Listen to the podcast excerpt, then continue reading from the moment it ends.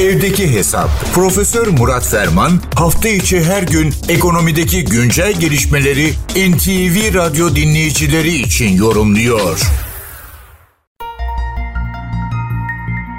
Küresel ve ulusal düzeyde artan parçalanmanın güven erozyonu ile birleşmesinden kaynaklanan yeni ve zor bir iklimde yola devam ediyoruz. Evet, Profesör Doktor Klaus Schwab'ın sözleri bunlar.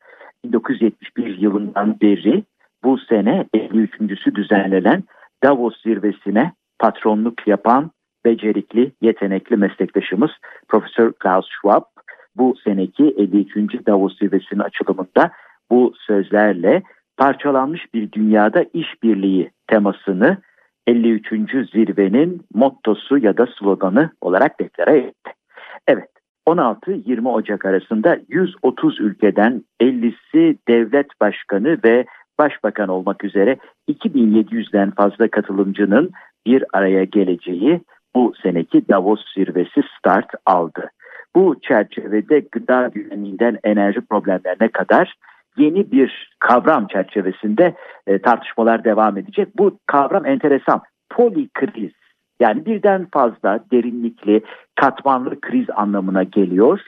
Bakalım bu krizlerin çözümünde Zenginler Kulübü olarak adlandırılan Davos nasıl çözüm yollarını bize sunacak? Bu aktivitenin e, platformu olarak senelerdir değişik raporlarıyla, değişik e, faaliyetleriyle zaten destek sağlıyor.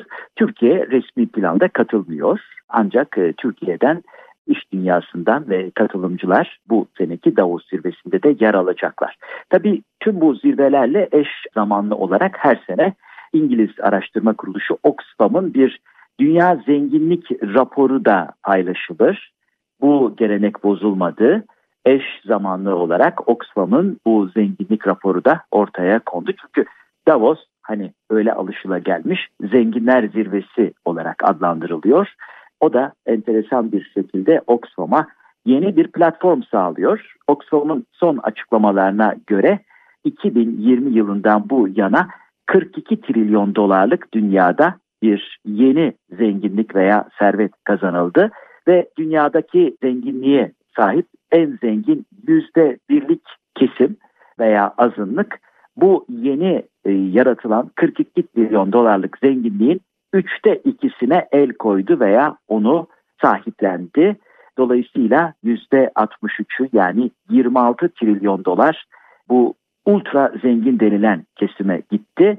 Geri kalan yüzde 99'luk kesim de sadece 16 trilyon dolarlık bir zenginlik e, payına sahip oldu veya onu paylaştı.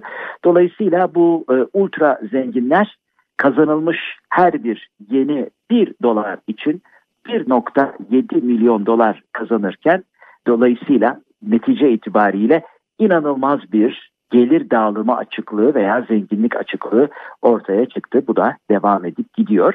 Bakalım zenginler zirvesi olarak adlandırılan Davos'tan ne gibi sonuçlar çıkacak? Bu sonuçlar hiç şüphesiz bundan sonraki tartışmalarda veya kamu veya özel kesimin icraatlarında da yol gösterici bir rol oynayacak.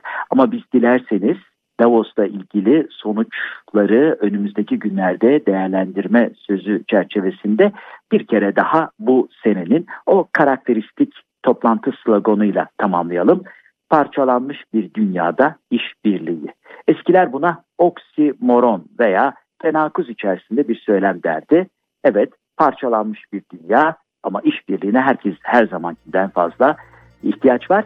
Bu genel değerlendirmeler çerçevesinde değerli dinleyenlerimize katma değeri yüksek ve yüksek katma değerli bir gün diliyor. Huzurlarınızdan hürmetlerle ayrılıyorum. Profesör Murat Ferman'la evdeki hesap sona erdi. Kaçırdığınız bölümleri www.ntvradio.com.tr adresinden dinleyebilirsiniz.